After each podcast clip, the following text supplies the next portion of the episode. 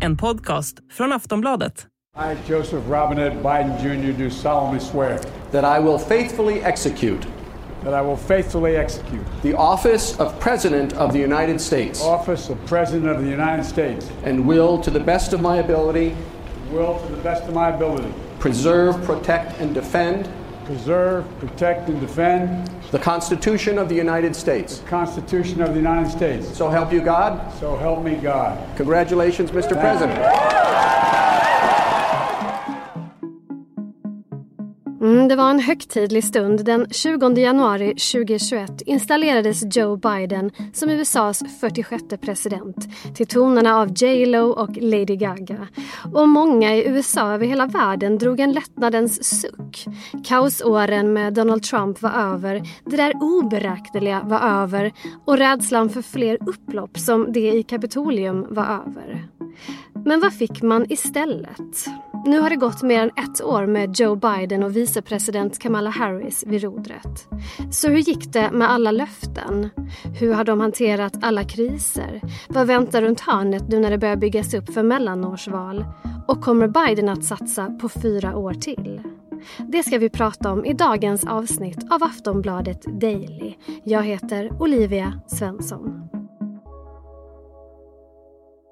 Och för att få svar på våra frågor vänder vi oss till Aftonbladets utrikespolitiska kommentator Wolfgang Hansson.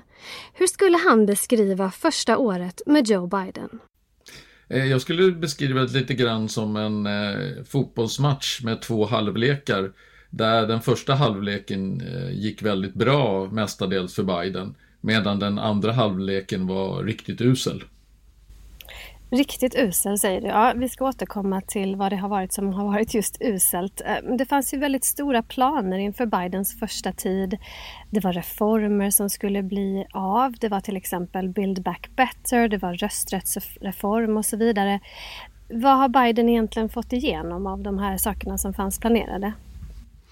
Alltså det han fick igenom ganska snabbt det var ju det här eh, stora hjälppaketet om corona där eh, för företag och för privatpersoner som skulle få eh, ekonomisk hjälp och, och där fick han ju också med sig en hel del republikaner på, på det paketet.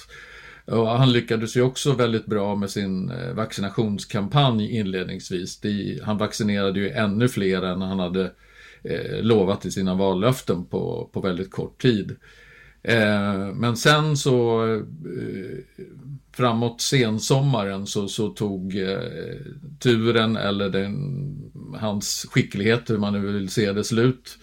Eh, och det som markerar skillnaden i, i väldigt stor grad, det var ju Afghanistan och det eh, väldigt snabba amerikanska tillbakadragandet från Afghanistan som ju nästan skedde i panik och, och eh, som ju på något sätt visade eh, Eh, ett väldigt svagt USA, eh, nästan ett USA på dekis. Och eh, där man, man så att säga var tvungen att lämna över makten igen till talibanerna eh, som man hade störtat 20 år tidigare. Eh, och det var ju ett väldigt förödmjukande ögonblick eh, och hade varit det för vilken president som helst och nu var det Biden som råkade ut för det. Vad säger just det här med Afghanistan om hans presidentskap, hur han agerar i nödlägen som uppstått? För att det har inte bara varit Afghanistan, det har också handlat om Israel-Palestina, det har varit klimatkris, det har ju varit corona, nu befinner vi oss i en situation med Ryssland och Ukraina. Vad, vad, är, det som, vad, är, det, vad är det han så att säga, saknar eh, i de här lägena? Ja, just i Afghanistan är det svårt att, att, så att säga, anklaga honom för att eh, ha, ha gjort något direkt fel sådär, utan det var väl mer att han eh, det var väldigt dåligt förberett, liksom den här evakueringen, eftersom man inte trodde att eh, eh talibanerna eh, skulle kunna ta makten på så kort tid. Och det berodde ju på att den afghanska armén totalt eh, imploderade på väldigt kort tid. Eh, men annars har han väl, han, hans politik karaktäriseras ju av en ganska stor försiktighet. Han, han eh, vill ju gärna lita till diplomat, diplomati istället för till eh, militär styrka.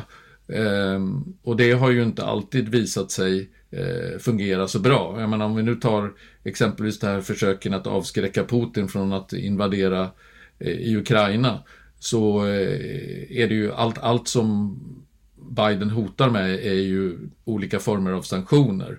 Och det har ju USA riktat mot Ryssland ända sedan 2014 när, när Ryssland intog Krim utan att det har avskräckt Putin. Så att eh, eh, det är väl att han, att han inte har tillräckligt mycket i sin arsenal riktigt, Biden. Our brand new CNN poll releasing right now shows a deepening Biden slump.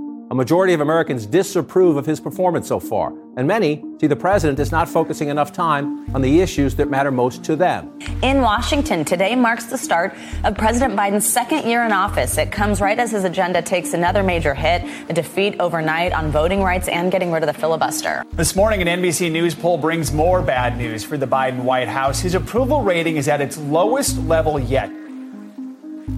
Som ni hörde här rapporterar nyhetskanalerna i USA om fallande opinionssiffror för Bidens presidentskap. Vilket betyg får han av det amerikanska folket hittills? Ja, han har ju väldigt låga opinionssiffror. Eh, han har ju de lägsta opinionssiffrorna vid den här tidpunkten eh, in i sin första period som någon amerikansk president har haft utom eh, Donald Trump. Trump är den enda som har varit sämre. Mm. Eh, och då ska man i och för sig komma ihåg att eh, USA nu är ju eh, polariserat på ett sätt som det nästan aldrig varit tidigare i modern tid. Så att delvis är det ju en avspegling av det, att, att uh, det finns två läger så att säga. Och det ena är för Biden eller Demokraterna och det andra är för eh, Republikanerna. Och, och det är svårt att ändra på. Eh, även om man skulle göra ett, hade gjort ett lite bättre jobb så är det inte säkert att hans opinionssiffror hade varit särskilt höga.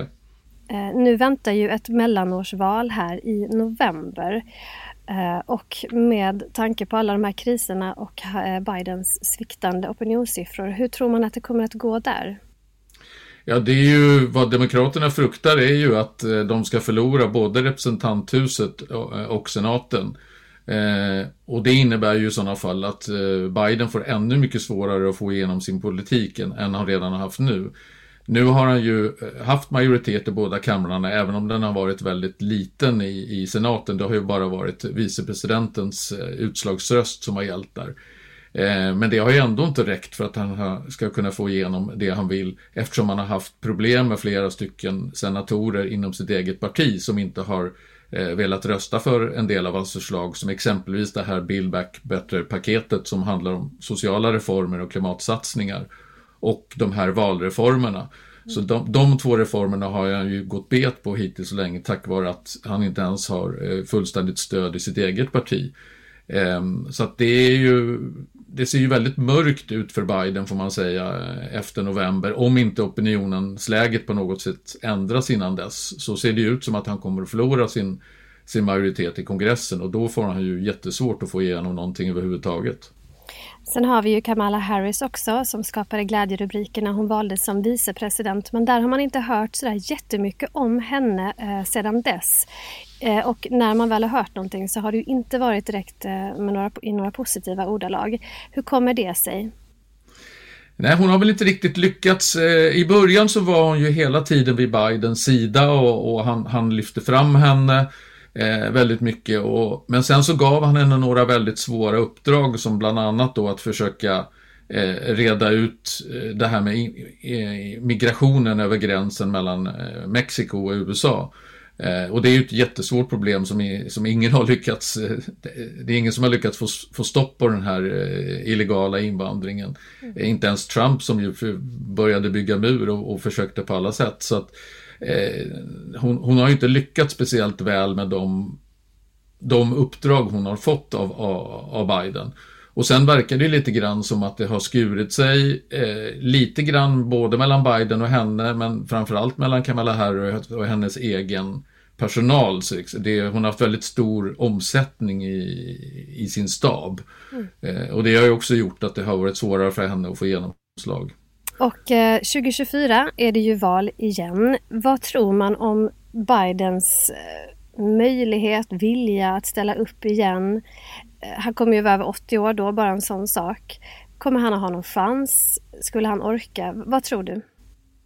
Ja, alltså Bidens problem är ju att den här frågan får han ju hela tiden. Tänker mm. han ställa upp eh, i nästa presidentval? Och han kan ju inte göra annat än att säga att ja, det planerar vi att göra. Och det är vad han svarar hela tiden, att det är hans plan att ställa upp. Därför skulle han säga att han inte tänker ställa upp, då är han ju död rent politiskt. Då får han ju ännu svårare att agera Precis. som president. Men det är ju väl rätt många som, som tror att eh, beroende på, liksom, det, han, han är ju så pass gammal redan nu så att det kan ju hända saker rent eh, fysiskt med honom som gör att han får svårt att ställa upp och att han kanske inte orkar eller har lust eh, att ställa upp då 2024. Eh, men det kommer han ju inte att meddela förrän tidigast något år innan det valet. Eh, och då blir det ju väldigt bråttom för Demokraterna i sådana fall att, att plocka fram en, en, annan kandidat. Och det är långt ifrån säkert att det är Kamala Harris som skulle bli eh, den som då ställer upp i, i presidentvalet för Demokraterna. Men utgångspunkten är ju ändå att det är Biden som ställer upp eh, 2024. Eh, eftersom många är ju rädda att, att det är republikanska sidan att de ska ställa upp med Donald Trump och då, då är det ju ändå, Biden har ändå lyckats besegra Trump en gång så att han anses väl ha större chanser att göra det en gång till än, än någon annan mer oprövad kandidat. Tror du att Trump kommer att eh, försöka igen? Eh, jag tror inte det om han inte får indikationer på att han ligger väldigt bra till i opinionssiffrorna. Eh, och det ser det ju inte ut som man gör nu. Det ser i och för sig ganska jämnt ut eh, mellan honom och Biden om det skulle vara val idag. Men det är ju trots allt några år kvar. Eh, men jag tror att Trump väldigt gärna vill eh, hålla liv i den här eh, känslan av att han kanske kommer att ställa upp. Så att han åtminstone kommer att ha ett väldigt avgörande inflytande på vilken kandidat det blir som Republikanerna ställer upp med 2024. Om det nu inte är så att han, att han ställer upp själv. För han, vi ska komma ihåg att han kommer ju också vara ganska gammal vid det laget. Han kommer att vara minst eh, 78 år tror jag. Eh, och det är ju inte heller, det var ju vad, vad Biden var när han ställde upp eh, 2020 och, det, och då tyckte ju Trump att han var för gammal så att vi får ju se. Kanske är läge för någon som är lite, någon yngre förmåga både hos Demokraterna och Republikanerna att se sin chans att gå in och, och, och bidra med någonting annat. Absolut, och det, på den republikanska sidan finns det ju mängder av kandidater som, eh, som är, är, ganska tunga och som är intresserade av att ställa upp. Men de vågar ju inte tillkännage sin kandidatur nu, Nej. så länge Trump inte har sagt hur han kommer att göra. För det är ju ingen som egentligen vågar ställa upp mot och utmana Trump på den republikanska sidan, för han anses ju ha eh, så starkt stöd av, av en majoritet av republikanerna. Nu har ju det här året, precis som förra året, inletts med, med dunder och brak och nu även eh, liksom kalla kriget vindar här med, med Rysslandskrisen. Vilken tror du blir den stora politiska frågan i USA under år 2022? Ja, alltså beroende på hur det blir det här med Ukraina-krisen, för den kan ju växa till en gigantisk internationell kris som också blir väldigt viktig inrikespolitiskt i USA. Eh, men annars så tror jag att det blir ekonomin, som, det är ju den som brukar vara det viktiga. Och USA har ju nu den värsta inflationen på över 40 år. Och beroende på hur den amerikanska ekonomin, hur återhämtningen fortsätter och hur, hur eh, det blir med, med ekonomin, så avgör ju det väldigt mycket hur, hur människor, om, om människor är vänligt inställda till den sittande presidenten eller inte. Eh, för jag menar det här med de här gigantiska prisökningarna som vi har sett nu i USA, det slår ju väldigt hårt emot eh, folks plånböcker. Och det är ändå det till syvende och sist som brukar avgöra vem, vem man röstar på, om man är beredd att rösta på en sittande president eller inte. Sist här hörde ni Aftonbladets utrikespolitiska kommentator Wolfgang Hansson. Jag heter Olivia Svensson och du har lyssnat på Sveriges största nyhetspodd Aftonbladet Daily. På återhörande snart. Hej då. Du har lyssnat på en podcast från Aftonbladet. Ansvarig utgivare är Lena K Samuelsson.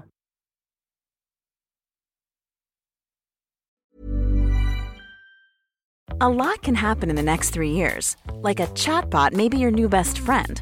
But what won't change? Needing health insurance. United Healthcare Tri Term Medical Plans are available for these changing times Underwritten by Golden Rule Insurance Company, they offer budget-friendly, flexible coverage for people who are in between jobs or missed open enrollment. The plans last nearly three years in some states, with access to a nationwide network of doctors and hospitals. So for whatever tomorrow brings, United Healthcare Tri-Term Medical Plans may be for you. Learn more at uh1.com.